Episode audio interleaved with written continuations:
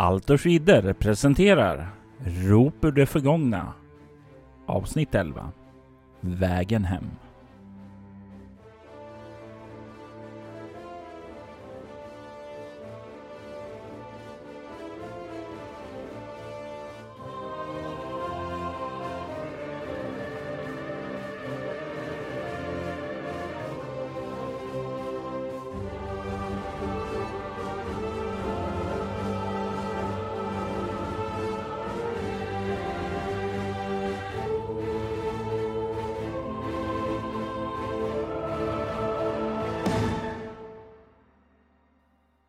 Berendiska natten har svept in omgivningen i ett behagligt rofyllt mörker. Uppe på himlen lyser stjärnorna och ger ljus åt de två unga damer som har tagit sig bort ifrån Gråhall. Bort ifrån den plats där de skänkte spöket frid. Och nu även från de välbekanta röster som fanns där inne.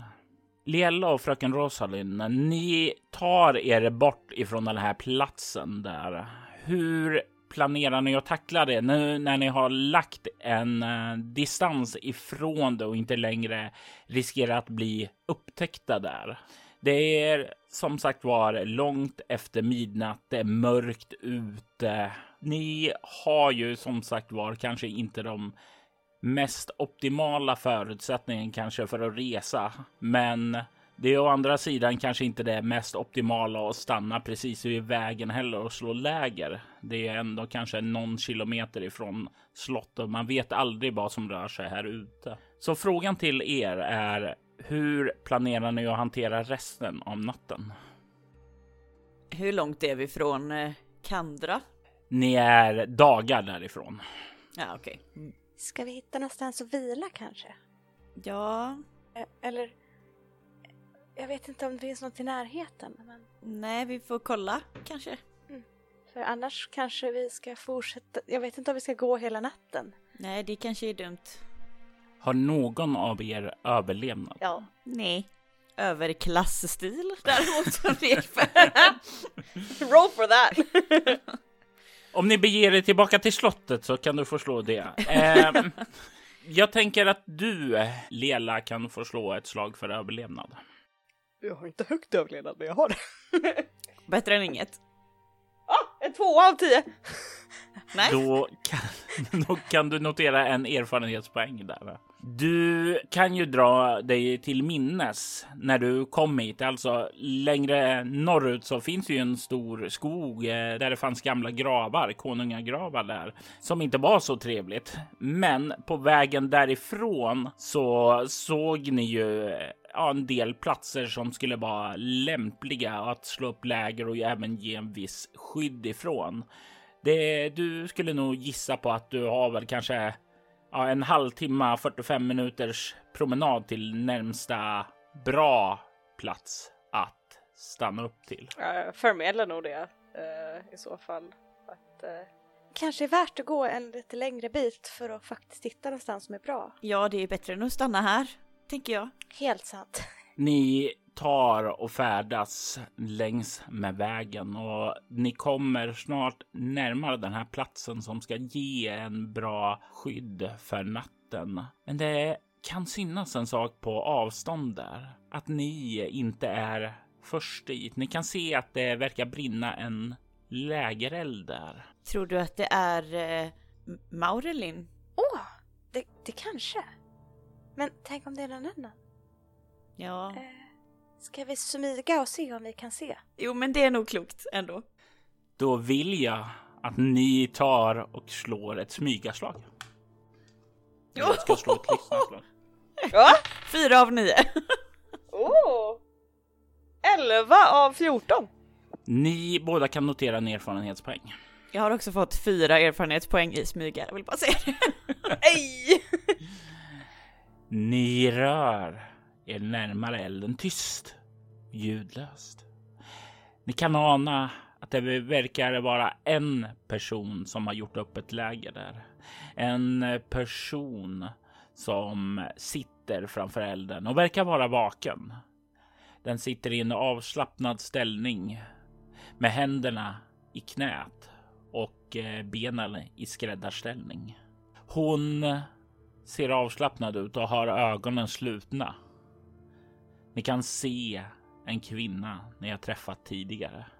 Det är Maurelin som sitter där. Det är hon!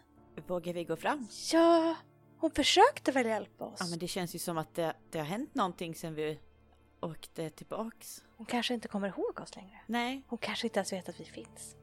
I och för sig, om hon inte kommer ihåg oss så vet hon inte att vi finns. Men ska vi våga och kolla? För vad gör hon här om inte det här finns längre att leta efter? Ja. Ja, vi gör det. Gå fram! När ni börjar röra er framåt så kan ni se hon verkar skifta i sin ställning där och liksom sakta börjar röra på axlarna ungefär som hon vaknar upp ur sin meditation där och hon slår upp ögonen och ser er kliva in där. Och hon ler mot er och säger Välkomna. Vad är två unga damer som ni är ute i vildmarken på egen hand? Eh, vi är på resande fot lite grann. Vi är på väg hem. Mm. På väg hem? Och vad må det vara om man får fråga? det finns ingenting i hennes ögon som tyder på att hon verkar känna igen er. Weird. Eh, vi ska till Kandra. Ah, det ska jag också. Kanske kan vi slå följe med varandra? Ja, eller? Jag tittar på, på Rosalind. Ja. Det kanske vi kan. Slå er ner vid elden. Jag har inte mycket mat kvar om ni är hungriga. Men eh, jag har lite från igår kväll. Jag kan äta gräs, det är okej. Hon höjer på ögonbrynet lite, men säger ingenting.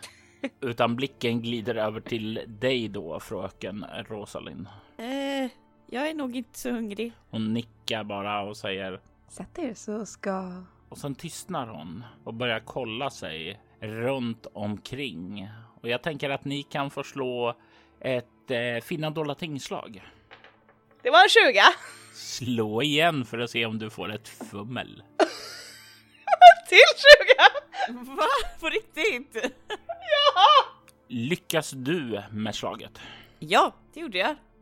Fröken Rosalind, du lägger ju märke till vad det är hon stirrar. Du kan se att det ovanför lägret kretsar en fågel. En fågel som du i månskenet tycker känns bekant och det tar dig några sekunder innan poletten trillar ned. Det är ju din mors familarius. Mm. Däremot Lela ser ju inte det här. Du kan dock se någonting annat. Du kan se borta vid fröken Rosalind att hennes ögon börjar skimra till lite. Det är som ett eh, regnbågsaktigt sken som flammar upp där i hennes ögon och sen slocknar. Ser ni det där? Ja, Eh, Är det er eller är det någon annan som förföljer er? det, det är inte vår. Men jag vet nog vems den är. Är det en vän eller fiende?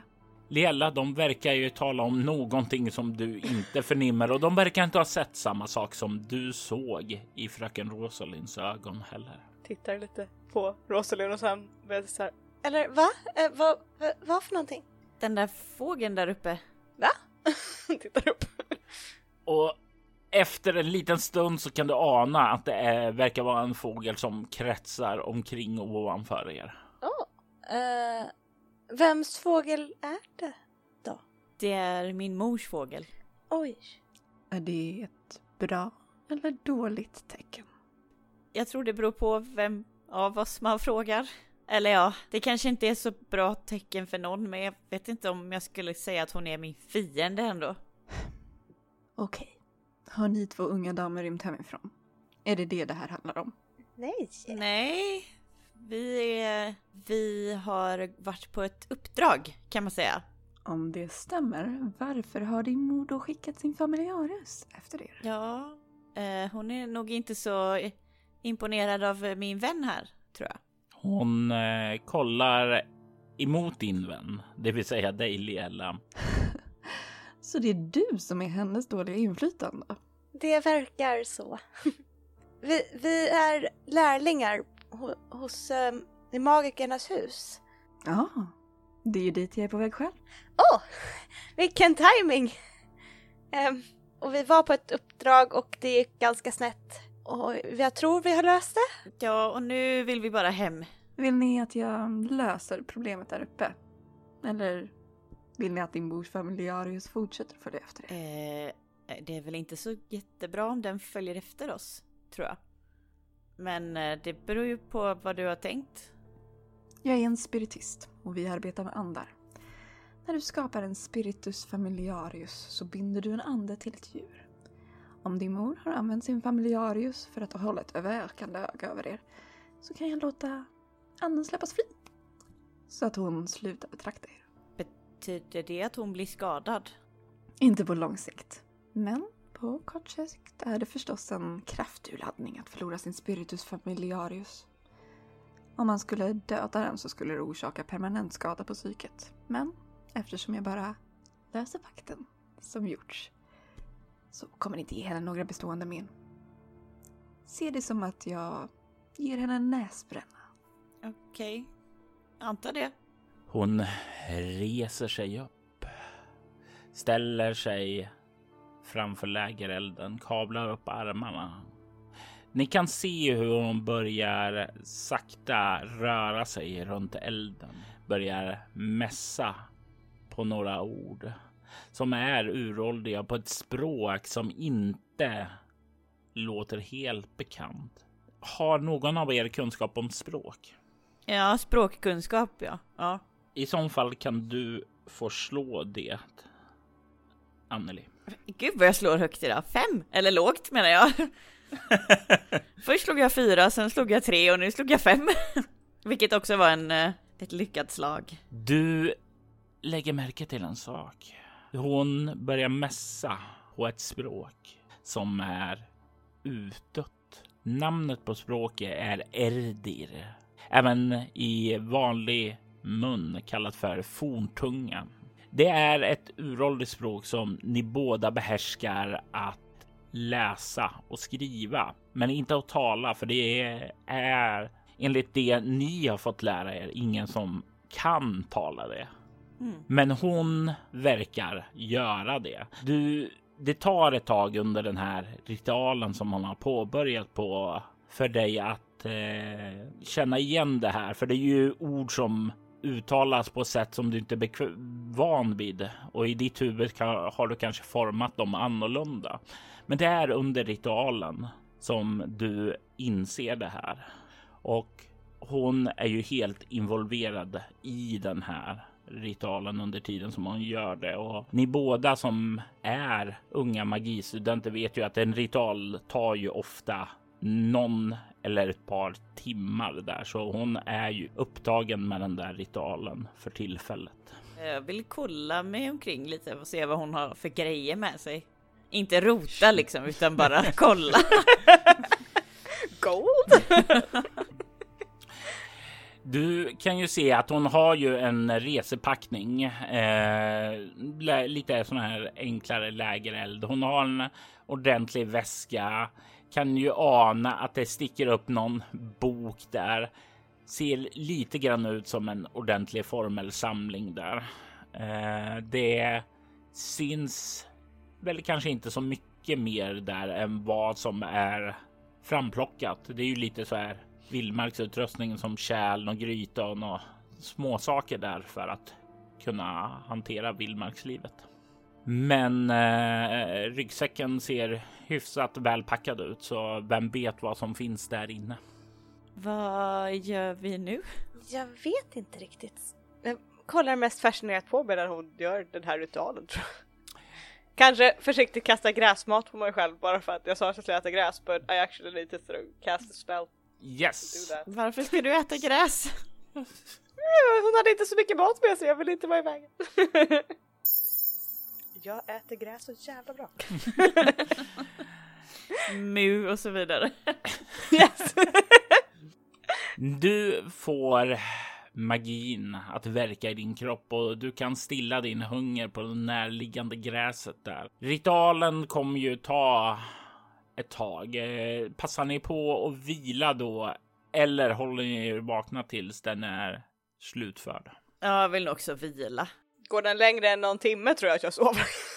Ja, den går längre än en timme där, så ni somnar in där och glider in i rofylldhetens mörker. Morgonen kommer. Eller i ert fall är det nog faktiskt inte morgon utan det är förmiddag och ni vaknar upp av en ljuvlig doft uppe på grytan som kokar där. Det finns en nylagad frukost eller frunch så att säga eftersom det är senare än på morgonen och lite mer rejält. Eh, och eh, Maurilin kollar mot er och ler och säger. Ni somnade visst djupt igår. Ja, vi har nog inte sovit bra på ett tag. Nej, verkligen inte. Jag är glad att jag kunde ge er en djup återhämtande vila. Hon vrider sedan sin blick åt dig, fröken Rosalind, och säger. Ja, du behöver inte oroa dig för din mors familjarius längre. Okej. Okay. Om ni ser till att få i er något att äta så kan vi ta och bege oss iväg mot Kandra sedan. Ja. ja. Jag tror jag vill fråga henne också medan vi äter frukost. Um, känner du Krondo? Nej, inte personligen. Men jag har hört talas om honom. Okej. Okay. Mäster Krondo är en väldigt skicklig animist. Med ett gott rykte. Verkligen. Jag ville bara kolla om du hade träffat honom innan. Nej, jag har inte haft äran att möta honom. Men jag ser fram emot att träffa honom då vi kommer dit. Vi frågade inte vad du gjorde här förresten. Ah, som jag sa, jag är på väg till Magikernas hus. Jag har hört att det saknar en spiritist. Tänkte erbjuda mina tjänster. Om det inte behöver min spiritistiska expertis så tänkte jag se om jag kan bistå Kihara med hennes magiska inriktning. Du är ju rätt så ny där, fröken Rosalind, så det mm. namnet säger inte dig någonting. Nej. Men du, Liara, som har varit där, har ju träffat Kihara och vet ju att eh, hon är den som har ansvaret för magiskolan illusionism, det vill säga att hon kan skapa illusioner och skenljud och andra typer av vilseledande manövrar. Okej, okay. uh, Anna, jag var bara nyfiken på om det, uh, om det var något annat. Det skadar inte att vara nyfiken. Jag tänkte dock att det kanske var dags att rota sig någonstans. Jag har nämligen varit på resande fot under en lång tid. Ni förstår, jag kommer från landet Hynsolge. Jag vet inte om ni känner till det? Gör vi det? Ni kan slå ett geografi om ni har det. Det har jag. I know nothing. Jag slog tre igen. Den här tärningen är friendly till dig. Oh. Du känner ju till landet Hynsolge. Det är ju ett eh, krigshärjat land. Det slits av ett inbördeskrig mellan eh, adeln och eh, folket och kungen. Mm. Och det har härjats rätt hårt av de här stridigheterna. Eh, oj, det, det måste ha varit tufft att ta sig därifrån. Ja, det var det, men eh, jag hade tur. Jag fick motivationen att lämna mitt liv där av en väldigt kapabel man. Utan Kasims hjälp skulle jag aldrig tagit mig därifrån. Kasim? Ja, en man som var med i den nya armén som kämpade för folket. Han såg till att stoppa en komplott mot konungen och den nya armén. Och såg till att jag lämnade min stad innan något hemskt hände. Jag känner Kasim. Han har hjälpt mig också. Då vet du hur trygg jag känner mig med att lämna mitt gamla liv bakom mig. Verkligen. Jag, jag tror att, jag, att Lela blir mycket mer avslappnad kring den här spiritisten nu. Med, med, att She knows my friend! du ser ju det här, fröken Rosalind, hur mm. det nästan lyser i eh, Lelas ögon när hon hör det här namnet Kasim. Och det är, det är någonting som ekar i ditt sinne när du hör det här Kasim. Dök inte det här upp förra gången när ni pratade med henne också? Mm. Eller är det någonting? Det är, du får en konstig känsla av déjà vu där i alla fall. Mm. Maurilin reser sig upp och börjar packa ihop sin utrustning då och göra sig i ordning för att ni ska bege er iväg tillbaka emot Kandra. Jag tror inte vi har så mycket att packa. Ni har ju rest ganska lätt, ja, och det är väl tur då efter alla de här gångerna jag har sprungit ifrån saker. Maurilin är ganska avslappnad och under tiden som ni beger er. Hon, hon är en sån där som är väldigt enkel att tala med, men som inte liksom är onödigt socialt klängig. Hon verkar eh, känna av när ni behöver lite space. Jag går lite framför er så ni får lite tid för er själva. Jag är säker på att ni två unga damer har mycket att prata med varandra om. Det framgår att hon verkar duktig på det sociala utöver det magiska. Er blick letar sig ibland upp till himlen där, men ni kan inte se någon fågel följa efter er. Mm. Just det. Kan jag... De här ankarna vi kände förut, Mm. känner man någonting av det nu? Du kan slå ett slag för känna magi. 16 av 16, återställ min! Det innebär att det är lyckat. Du känner inte av några ankare. De är borta. Det verkar inte som det finns några sådana. Okej, skönt så inte typ såhär we changed something and and one came back.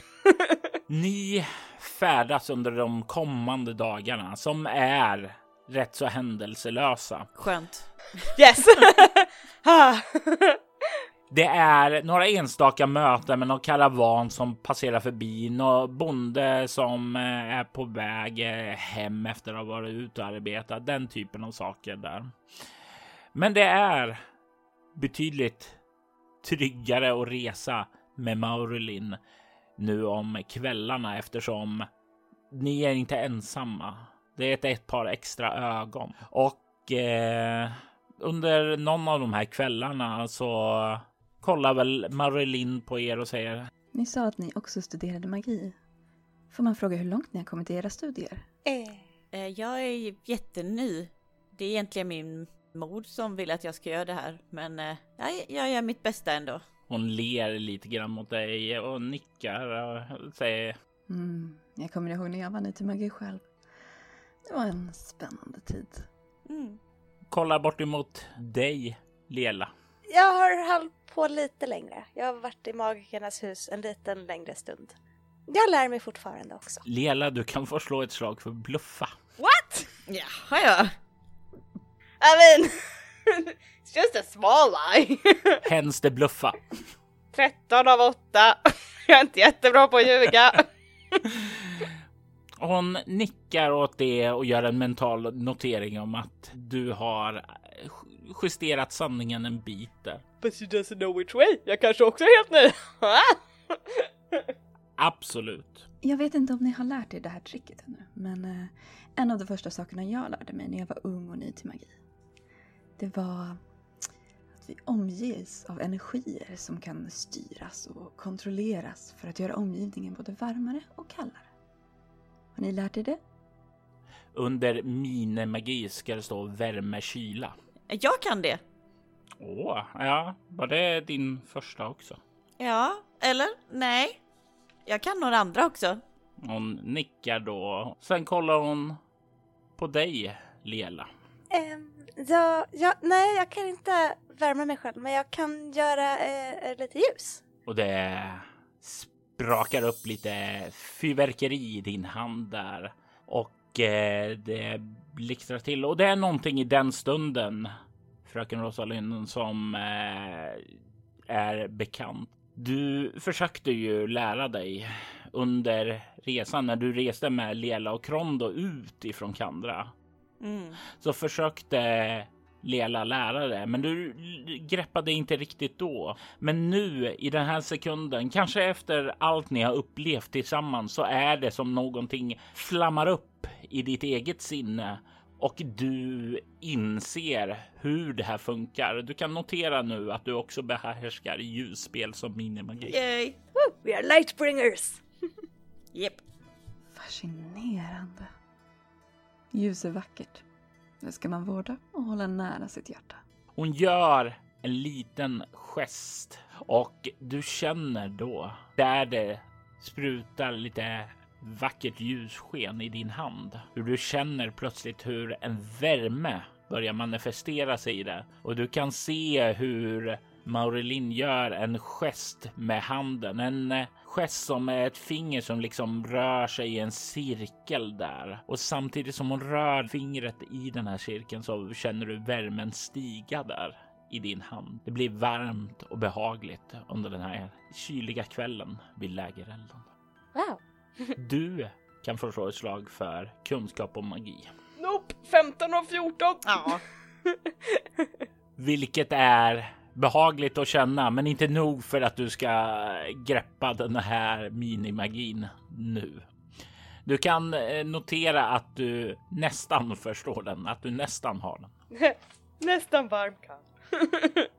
Ja, och sen så blir det liksom det tonar ut där Eh, till ett vanligt lägerprat där och färden eh, fortsätter sedan vidare till den stad som ni just nu kallar för hem.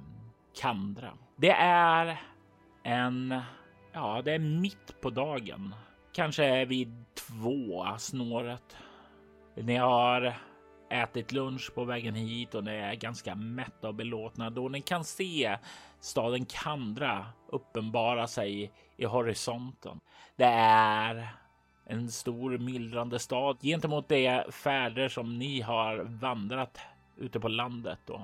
Känns det trevligt att komma tillbaka till storstan och lämna vildmarken bakom sig? ja, Ja, det känns bra. Det är också nervos nervositeten börjar stiga över What are we coming back to?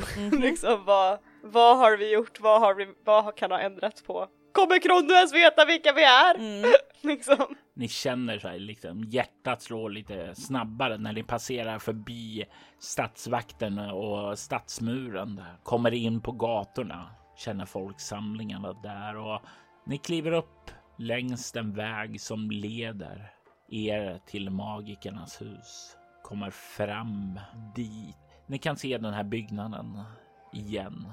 Den välbekanta byggnaden. Och ni kliver fram där till dörren. Och vem är det som går fram dit först? Är det ni eller blir det som så att ni låter Maurlin gå först? det är nog inte jag som går först i alla fall. Ja, Jag tror Maurlin kommer fram först. Du kan se hur hon kliver fram och knackar på dörren och det öppnar en ung pojke. En ung pojke som eh, är väldigt, väldigt bekant för dig, Liella. Det var samma unga pojke som öppnade då du var här första gången och han inte ville släppa in dig. Du kan se han kollar upp mot Maurelin och hon kollar ned på honom.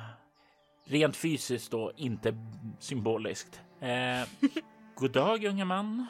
Jag är här för att diskutera lite ärende med Kyhara.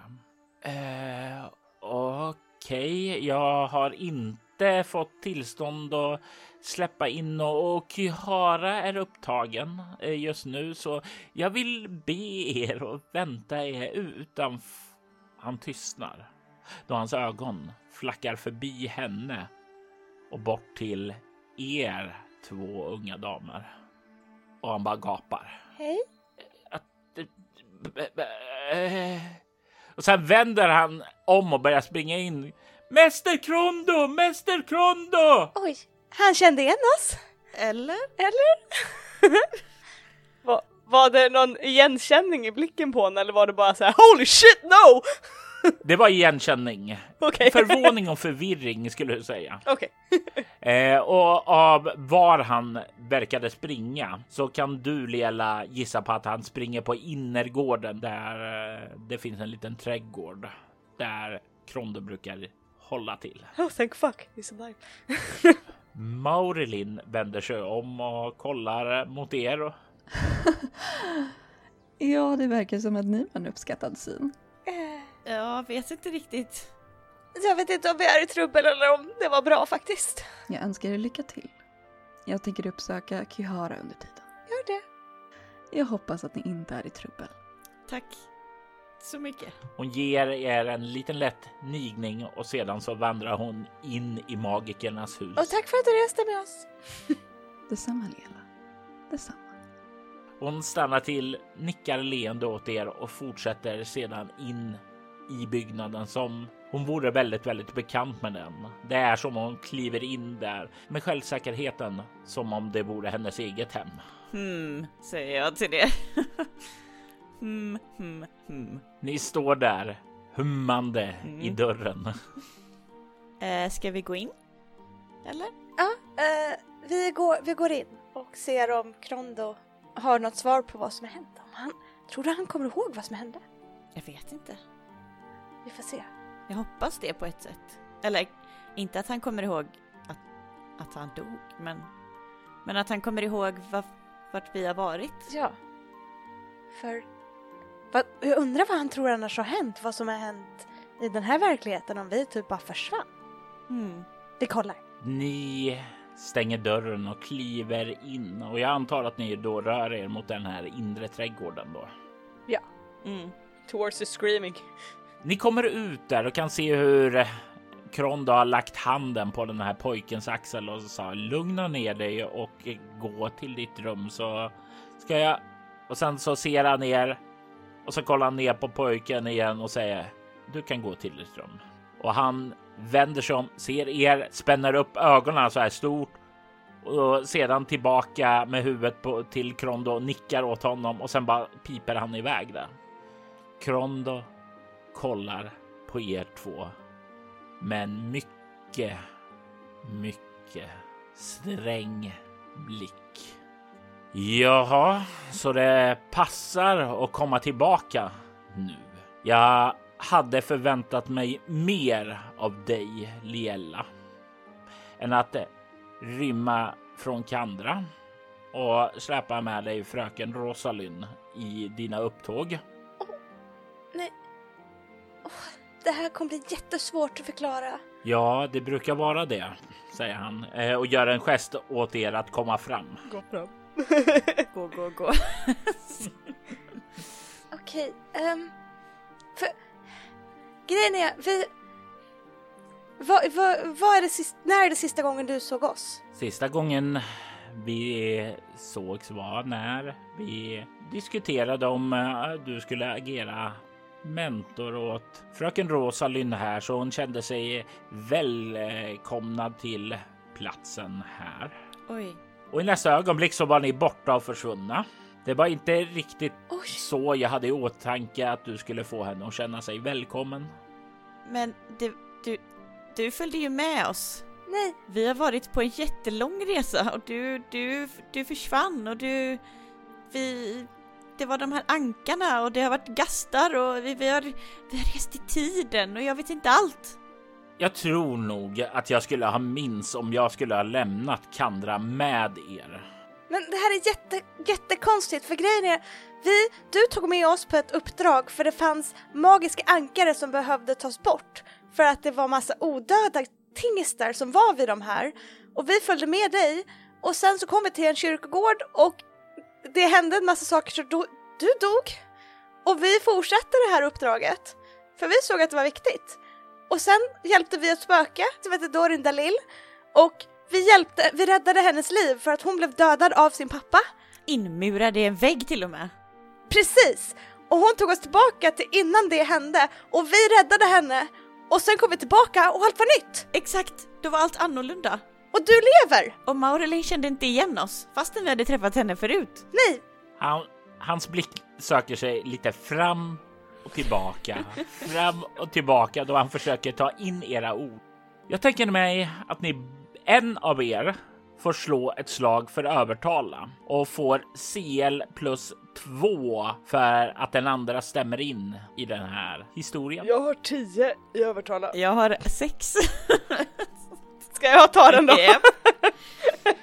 Så 12 eller lägre för att han ska köpa den här otroliga historien. Okej, det var väldigt, väldigt mycket att eh, ta itu med här. får inte ens berättat allt! Jag visar honom mitt sånt här gast-R också. Han fick inte jag ett sånt R. Nej, du fick ett sådant där, men när du tar fram och ska visa det så ser du att det är borta. Wow! Crazy! I mean yay but no! Coolt. Han kollar på det ställe där du inte har r där och mm. och sen så kollar han. Okej, gastar säger ni. Nå ankare. Ja, Ankare är ju ett sätt att hålla gastar på en plats då. Var det någon form av ritual som ni var på? Det, det, ja, typ. Och de, de, de, gastarna pratar om en, en, en, en? Kel Kelgor eller något. Kelgor! Eller ja, något, något sånt, någonting på K. Kan det vara Kergol! Kergol? Kergol. Yes. Kergol pratar de om. Du kan se att det är ett väldigt, väldigt oroligt ansiktsuttryck som man får när du säger det. Okej, det är och resa i tiden sa ni. Ja, jag tror inte riktigt vi hängde med på allt. Ja, för vi, det här spöket bad oss att döda hennes pappa, men det gjorde vi inte, utan vi räddade henne istället. Och det var, den här demonen var typ där hon var, eller hon gjorde en deal med den här demonen på något sätt, så att hon, hon blev fast. Och det här ankaret dök upp där, eller någonting sånt, om jag förstod det rätt. Det var väldigt förvirrande. Och hon sa att hon pratade med någon slags demonisk grej som gjorde en deal med henne för hon ville inte dö. Men hon- hon var redan död då. Jag tror hon var en alv också. Ja, för hennes mamma hade haft, varit med någon slags skogsalv någonting. Alltså, er berättelse är ju så oerhört otrolig. Men den är för otrolig för att inte tas på allvar. Och det oroar mig att ni nämner Kergol. Mm. Han är en av oktagonens demonfurstar. Och om det är en demonförste involverad så är det någonting som skulle kunna orsaka sådana här stora händelser. Jag hoppas inte ni har varit i närheten av eh, att involvera er själva med ritualer som involverar Kergol. Han kollar på er med väldigt barsk blick. Jag tror inte det. Nej, jag skulle precis säga samma sak. jag tror, gjorde vi inga ritualer förutom att ta bort ankarna? Att ta bort ankarna är sällan en dålig idé, utan det är nog positivt då. Eftersom då har ni nog motverkat hans inflytande. Det gör mig lite tryggare, men jag skulle vilja utföra en ritual för att se om eh, ni har blivit demonbesudlade senare. Ja tack. Okej. Ni, Men du tror oss? som jag sa, er historia är för otrolig för att inte vara Tittar sann. på Rosalind. Tummen upp. Under den tiden som jag har lärt känna dig Liella så har du inte ljugit och vilselett och bedragit och manipulerat sanningen tidigare. Så jag har ingen anledning att tro att du har börjat nu. Honesty pays off. Men jag kommer att behöva diskutera det här med de andra magikerna om eh, Kergol, för det är illamådande nyheter ni kommer med. Ni sa något om en Maurelin. Vem var det? En spiritist. Ja, hon är här. Hon skulle prata med, med någon. När du säger hon är här så börjar han först att kolla runt er som om hon vore här på, i trädgården. Men när du säger prata med någon så gör han så en nick som ah, Kahara, var det det? Är det det hon ska prata med? Ja. Kyhara. Kihara. Yes. Mm. Kyhara sa ni. Okej. Eh, ja, jag, jag får kolla upp det sedan också. Det glädjer mig att ni inte har rymt ifrån magikernas hus i alla fall. Eh, det gör mig lite lugnare. Då tycker jag ni tar er upp till ert rum, ser till att packa upp det ni har med er då och så ställer jag i ordning för ritualen sedan så att jag försäkrar oss om att ni inte har blivit besudlade. Okej. Det blir bra. Han ler, nickar och eh, gör en gest att ni kan gå. Vi går. Jag tar Rosalinds hand medan vi går. Och ni kommer nästan till utgången då han säger just det, jag är glad att ni är tillbaka oskadda. Vi är glada att du lever. Och att vi lever. Det också faktiskt. Då tror jag vi alla kan skriva under på det att vi alla är väldigt glada just nu. Att det här är en glädjens dag.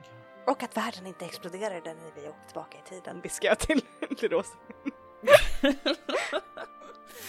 Ni två unga damer tar er upp till ert rum. Det här rummet som kändes så litet och trångt för dig tidigare, fröken Rosalind, när du kom. Men nu efter färdandet med Liella genom otrygga miljöer så känns det ändå lite hemtrevligt. Som om det här stora överdådiga rummen du var uppväxt i inte har samma värme som det har när du befinner dig i ett litet rum med en sann vän. Krondo kallar ner er senare på kvällen för att utföra ritualen för att se om ni har blivit demonbesudlade. Och till allas glädje så visar det sig att det har ni inte. Ni har stoppat en plan, en plan att väcka de döda till livet och gudarna vet i vilket syfte som Kergol var involverad. Det är dock inget problem längre, även om det kommer att orsaka huvudvyn för magikerna i magikernas hus. Ni är tillbaka efter en resa, en resa av vänskap och av insikter, av kamp och mod och hemskheter. Men ni har kommit ut starkare ur det och ni har funnit en vänskap längs med vägen. Lela och fröken Rosalind hade återvänt till Kandra och trots att sättet de påbörjat sin resa inte längre hade skett så lyssnade Krondo på deras märkliga berättelser. Tid och resor i det var kunskap långt bortom Krondos egna kunskaper. Men han visste att Lelas hjärta var för gott för att ljuga om deras märkliga äventyr. Det fanns dock andra lögnare där. Maurelin, en av oktagonernas agenter som Kasim hade låtit slinka mellan sina fingrar, hade tagit sig till Berendien och använde Liella för att befästa sin plats på magikernas hus. Det var knappast en slump, utan hon visste mycket väl vem Liella var efter de minnena hon stulit från Kasim. Där hennes plan hade misslyckats i Hynsolge hade hon en ny chans att bygga upp något i Kandra. Det fanns möjliga allierade här i form av svartpräster. Det var bara en tidsfråga innan hon skulle finna dem. Men lyckligtvis var det något som Liela var lyckligt ovetande om för tillfället. Hon hade varit med om ett storslaget äventyr tillsammans med sin nya vän. Leela kunde äntligen tillåtas att få vara något annat än den utvalde. Hon skulle få vara bara ett barn utan bördan av världens öde på sina axlar. Om än så bara för en stund. Va? Ja, du har rätt. Det är dags för en ny berättelse. Men innan vi kan fortsätta berättelsen om vår nästa hjälte ska jag hämta en sak åt dig.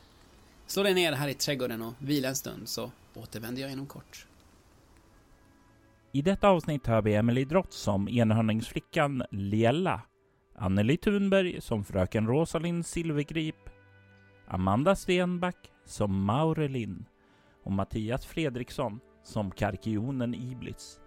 Spelledare var Robert Jonsson som även stod för klippning och ljudläggning. Roper det förgångna är ett äventyr som skrevs av Marcus Torell Björkäng till tidningen Sinkadus. Den publicerades i nummer 32 och gavs ut 1991. Altor alltså Schwiders temamusik gjordes av Andreas Lundström. Övrig musik gjordes av Aski. Dead Melodies, Derek Fichter samt copyrightfri musik. Dead Melodies är en del av bolaget Cryo Chamber som ger ut stämningsfull ambient musik som är perfekt vid ditt spelbord. Länkar till dem och andra artister finns i avsnittets inlägg.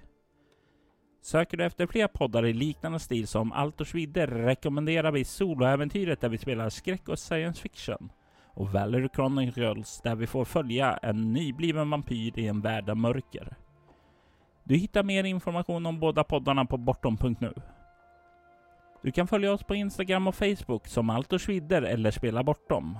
Det går även bra att mejla oss på info.bortom.nu. Vill du stödja Roberts fortsatta kreativa skapande kan du göra det på patreon.com snedstreck Robert Jonsson. Jag är Robert Jonsson. Tack för att du har lyssnat. Vi vill ta tillfället i akt att tacka, hylla och hedra våra Patreon-backare. Morgan Kullberg, Daniel Lantz, Daniel Pettersson och Ty Nilsson. Ert stöd är djupt uppskattat. Tack!